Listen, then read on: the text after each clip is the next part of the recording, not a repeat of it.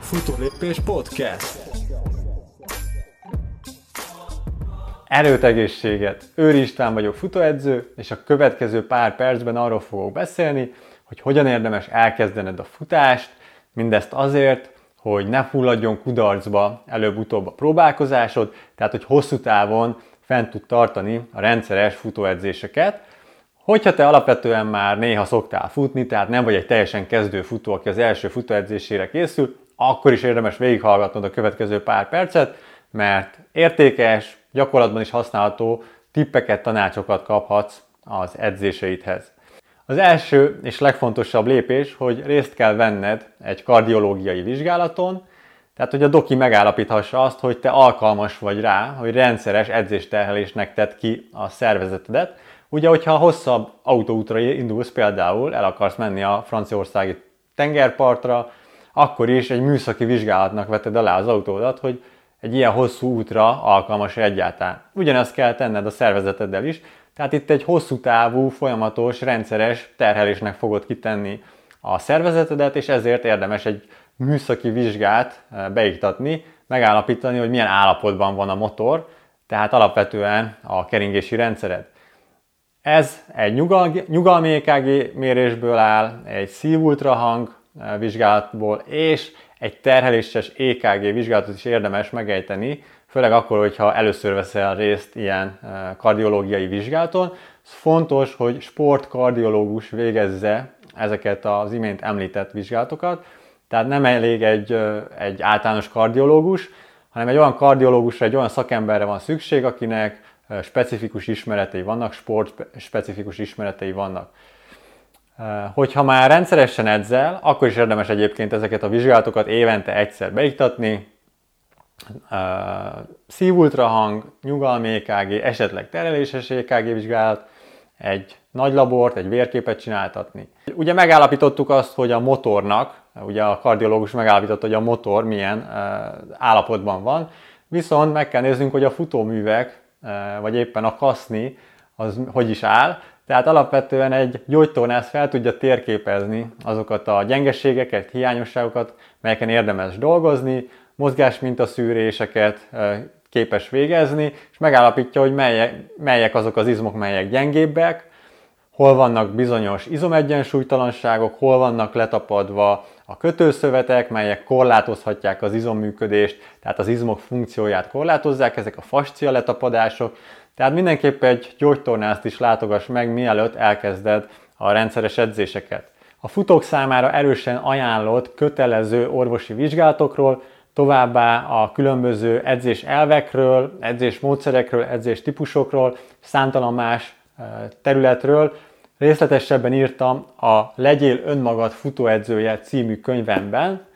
Ennek a közel 400 oldalas könyvnek megtalálod itt a leírásban a linkjét, olvashatsz visszajelzéseket olyan futóktól, akik már olvasták a könyvet, több száz ilyen visszajelzés érkezett már, tehát érdemes lecsekkolnod a könyvnek a weboldalát, tartalomjegyzék, visszajelzések és minden más információt is megtalálsz a könyvről.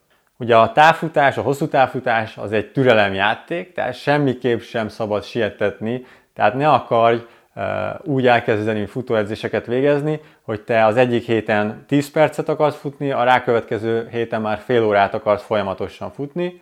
Tehát ez egyrészt türelmesnek kell lenni, mert ez egy türelemjáték, másrészt pedig egy kicsit a gondolkodásomódot át kell állítani, tehát nem folyamatos futással kell indítanod a futóedzéseidet, tehát ez nem úgy működik, hogy az egyik edzésen 5 percet tudtál kifulladásig futni, és utána úgy kellett hazavinni, és akkor a következő futóedzésen megpróbálsz 6 percet futni folyamatosan, aztán 7 percet.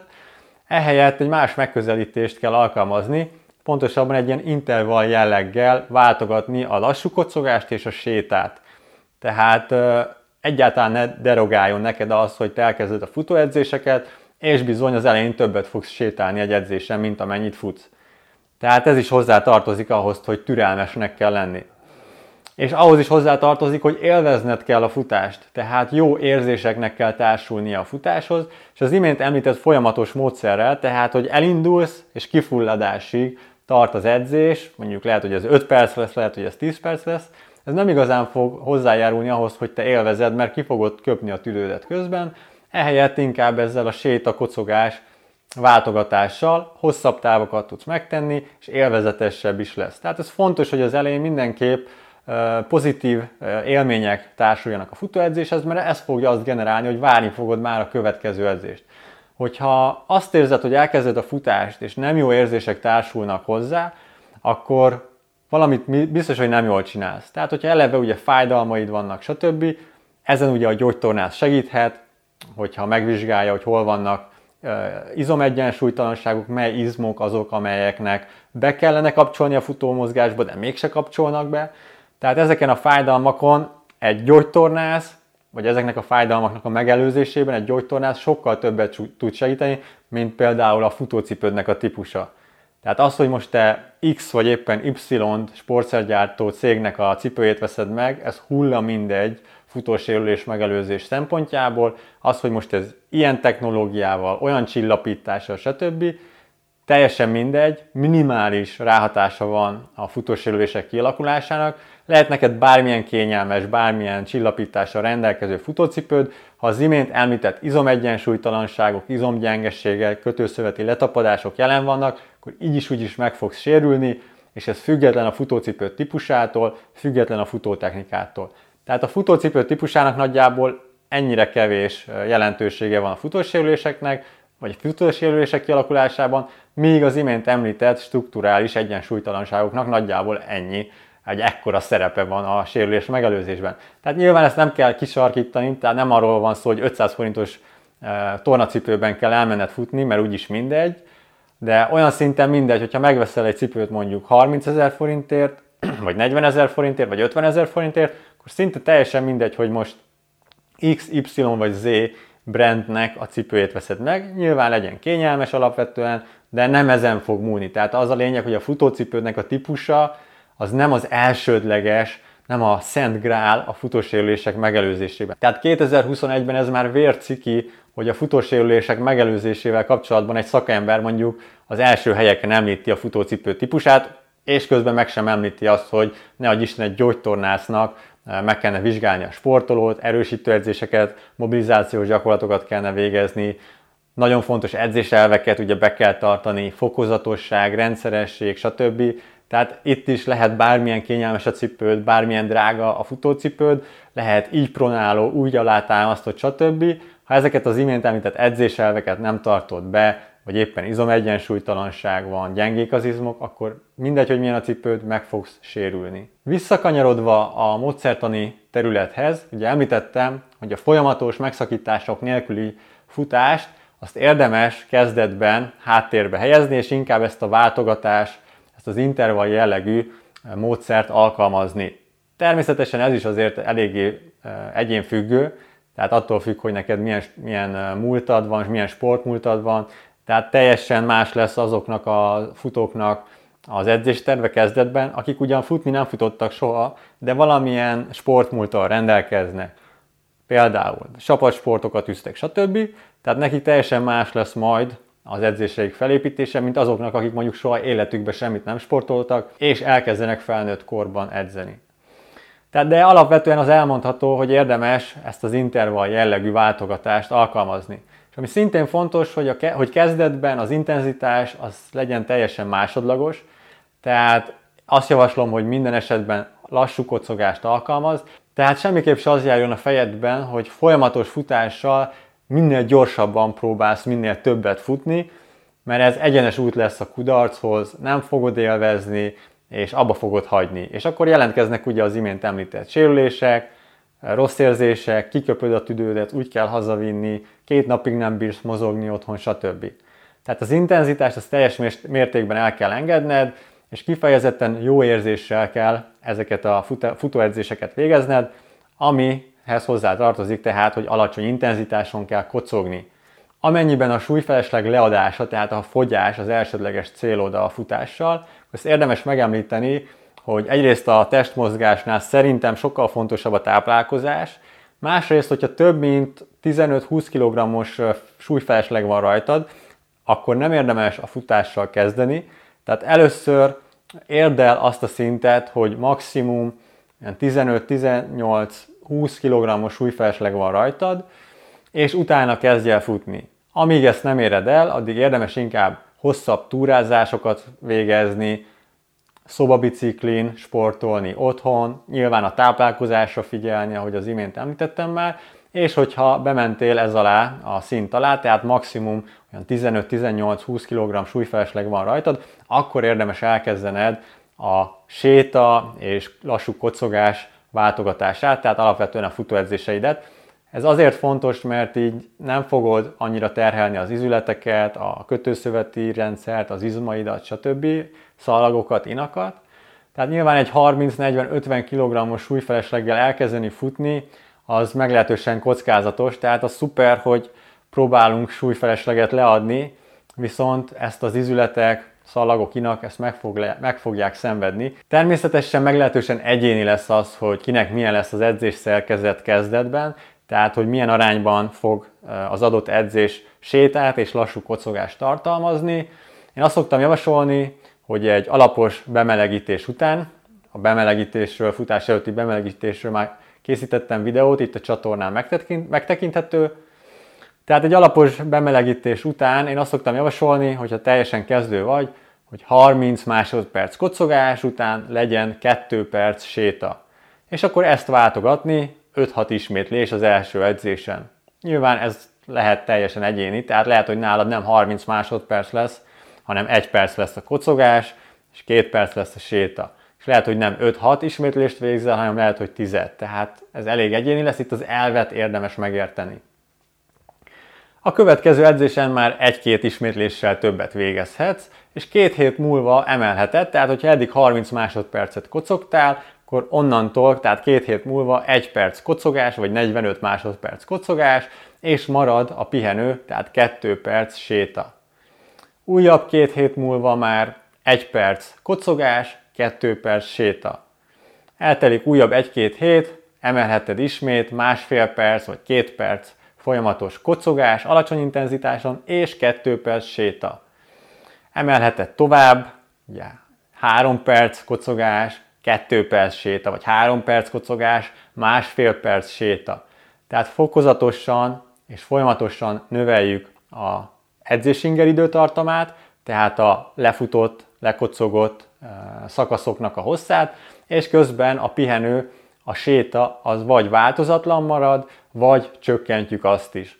Tehát alapvetően mondjuk elérsz egy 4 perc kocogás, 2 perc sétáig, innen emelheted tovább 5 perc kocogás, 2,5 perc séta, és így fokozatosan, tehát itt az elvet érdemes érteni.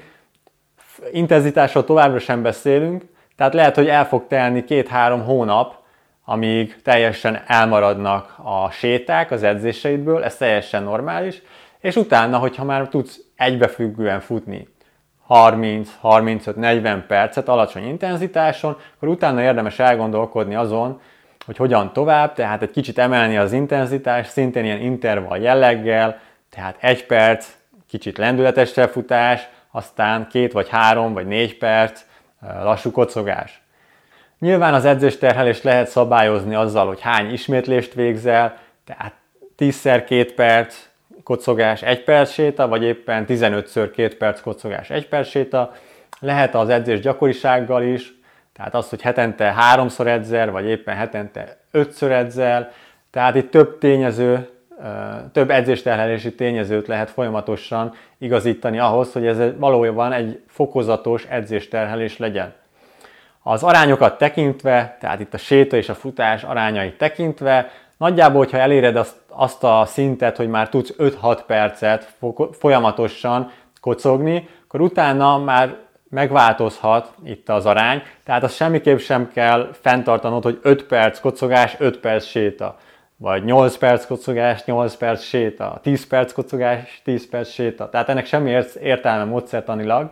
Tehát ez a ez az egy-egy arány a terhelés és a pihenés között, ez nagyjából olyan 3-4 perc folyamatos futásig fenntartható, tehát például 3 perc kocogás, 3 perc séta, 4 perc kocogás, 4 perc séta, ez már annyira nem indokolt, tehát hogyha már 4-5 percet tudsz folyamatosan futni, akkor nyugodtan lehet csökkenteni egy picit a pihenőt, tehát itt akár 4 perc kocogás, 2 perc séta, vagy 4 perc kocogás, 2,5 perc séta.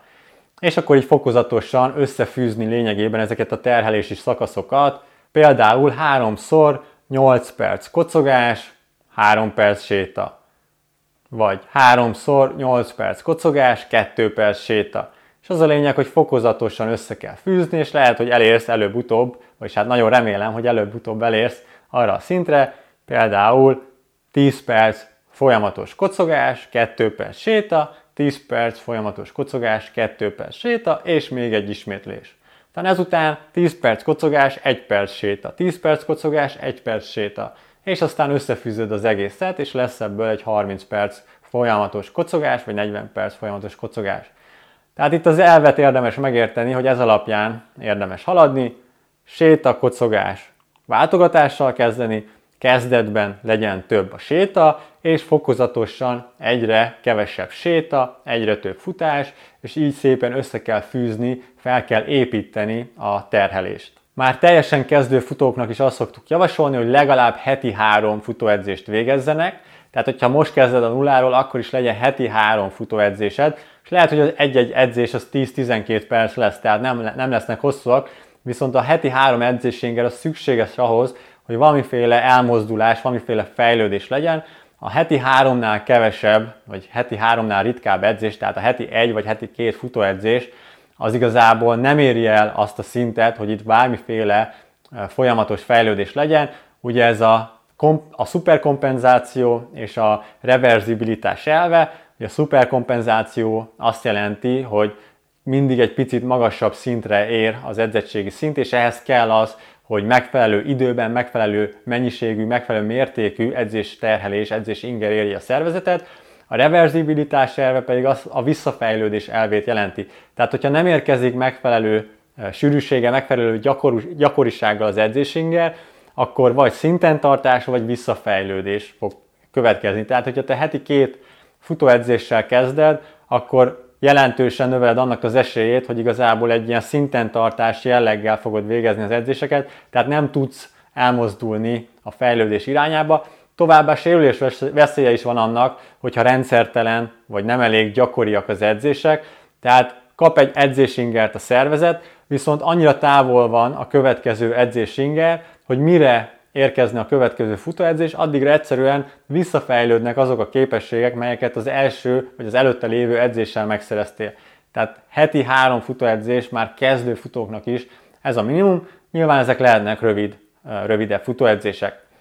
Mindenképp azt javaslom, hogy végezz erősítő edzéseket is a futóedzések mellé, tehát erősítsd meg azokat az izmokat, melyek bekapcsolódnak a futómozgásba, és rendszeresen végez mobilizációs gyakorlatokat is, azért, hogy fellazítsd a feszes, merev izmokat, hogy fellazítsd a letapadt kötőszöveteket. Mindenképp javaslom, hogy legyen valamiféle edzésnaplód, ahol rögzíteni tudod az edzéseidet, tehát, hogy milyen edzéseket végeztél, milyen intenzitással, mennyi ideig tartott, milyen gondolatok, milyen érzelmek, érzések kavarogtak, kavarogtak benned a futóedzéseid alatt, vagy éppen előtt, mit étkeztél, mit ettél a futóedzések előtt és után. Ez azért fontos, mert így évekkel később is vissza tudod keresni, vissza tudod nézni, hogy az adott edzés például milyen paraméterekkel rendelkezett. Tehát így össze tudod hasonlítani, hogy honnan indultál, és éppen hol tartasz, meg tudod nézni, hogy miért ment jól az az adott futóedzés, hogy miért ment rosszabbul, miért volt gyengébb a teljesítmény az adott futóedzésen. Tehát mindenképp azt javaslom, hogy jegyzeted le, mert fél év múlva nem fogsz rá emlékezni, hogy milyen edzéseket végeztél előtte. Erre alkalmas egy papíralapú füzet, tehát ez lehet egy ilyen klasszikus módszer is, de online is már számtalan lehetőség, számtalan opció rendelkezésre áll, össze tudod csatlakoztatni a futósóráddal, tehát azonnal szinkronizálja az edzéseket a felületre, megjegyzéseket tudsz írni, a gondolataidat. Én a Training Peaks nevezetű szoftvert használom erre, saját célra is, és a sportolóim is itt rögzítik az edzéseiket, és oda tervezem nekik az edzéseket is. Tehát egy edzésnaplód mindenképp legyen, és legyenek céljaid is a futással. Tehát itt nem kell nagy dolgokra gondolni, nem muszáj neked maratont futni, nem muszáj neked félmaratont futni. Lehet, hogy a te célod annyi lesz, hogy rendszeresíteni a futást az életedben, legalább heti négy napot futni, mondjuk fél év múlva. Vagy heti öt napot edzeni két év múlva. Tehát alapvetően ilyen céljaid is lehetnek, egészségfejlesztés, egészségmegőrzés célral is. Tehát lehet az a célod, hogy te szeretnéd az egészségedet megőrizni, és ezt biomarkerek vagy egyéb eszközök segítségével ellenőrizni tudod, hogy valóban az egészségi állapotod az megfelel az elvártnak. Tehát itt nem muszáj feltétlenül futóverseny célokat kitűzni. Másik jó tanácsom, és ez már az utolsó, hogy nem gond, hogyha hibázol. Tehát hidd el, hogy évek múlva is fogsz hibákat elkövetni. Az a kérdés, hogy tanulsz ezekből a hibákból, előnyödre tudod-e fordítani. Tehát semmiképp se görcsölj rá a futóedzéseidre már az elejétől kezdve, hogy jaj, mi lesz, hogyha rosszul csinálod, jaj, mi lesz, hogyha hibázni fogsz, mert garantálom neked, hogy évek múlva is hibázni fogsz. Lehet, hogy az étkezést fogod egy kicsit elrontani, lehet, hogy az öltözködést, alulöltözöl, túlöltözöl, lehet, hogy az edzések előtti folyadékbevitel fog majd kivetni, velő, kivetni valókat hagyni maga után. Tehát hibázni fogsz, az a lényeg, hogy ne görcsölj rá, ismert fel, hogy mi volt a hiba, tanulj ebből, és akkor próbáld a következő alkalommal ezt elkerülni. Nyilván az ilyen szarvas hibákat azért eh, érdemes már a kezdet, kezdetén is elkerülni, tehát alapvetően a, az imént említett edzéselveket, tehát a rendszeresség, a fokozatosság, a türelem, stb., hogy ezeket nem szabad megszegni vagy áthágni, mert súlyos következményei lehetnek akár az egészségi állapotodra vonatkozóan is. Remélem, hogy hasznos volt számodra ez az áttekintő. Részleteiben nem akartam nagyon elveszni egyik pontban, egyik tanácsban sem. Hogyha hasznosnak találtad, akkor légy nyomj egy lájkot. Futólépés néven megtalálsz Instagramon és Facebookon is. Ne felejtsd, legyél önmagad futóedzője, megtalálod a könyvemnek a linkjét itt a leírásban. További eredményes és sérülésmentes futóedzéseket kívánok, tartsd a futólépést továbbra is! Futólépés podcast. Tartsd a futólépést!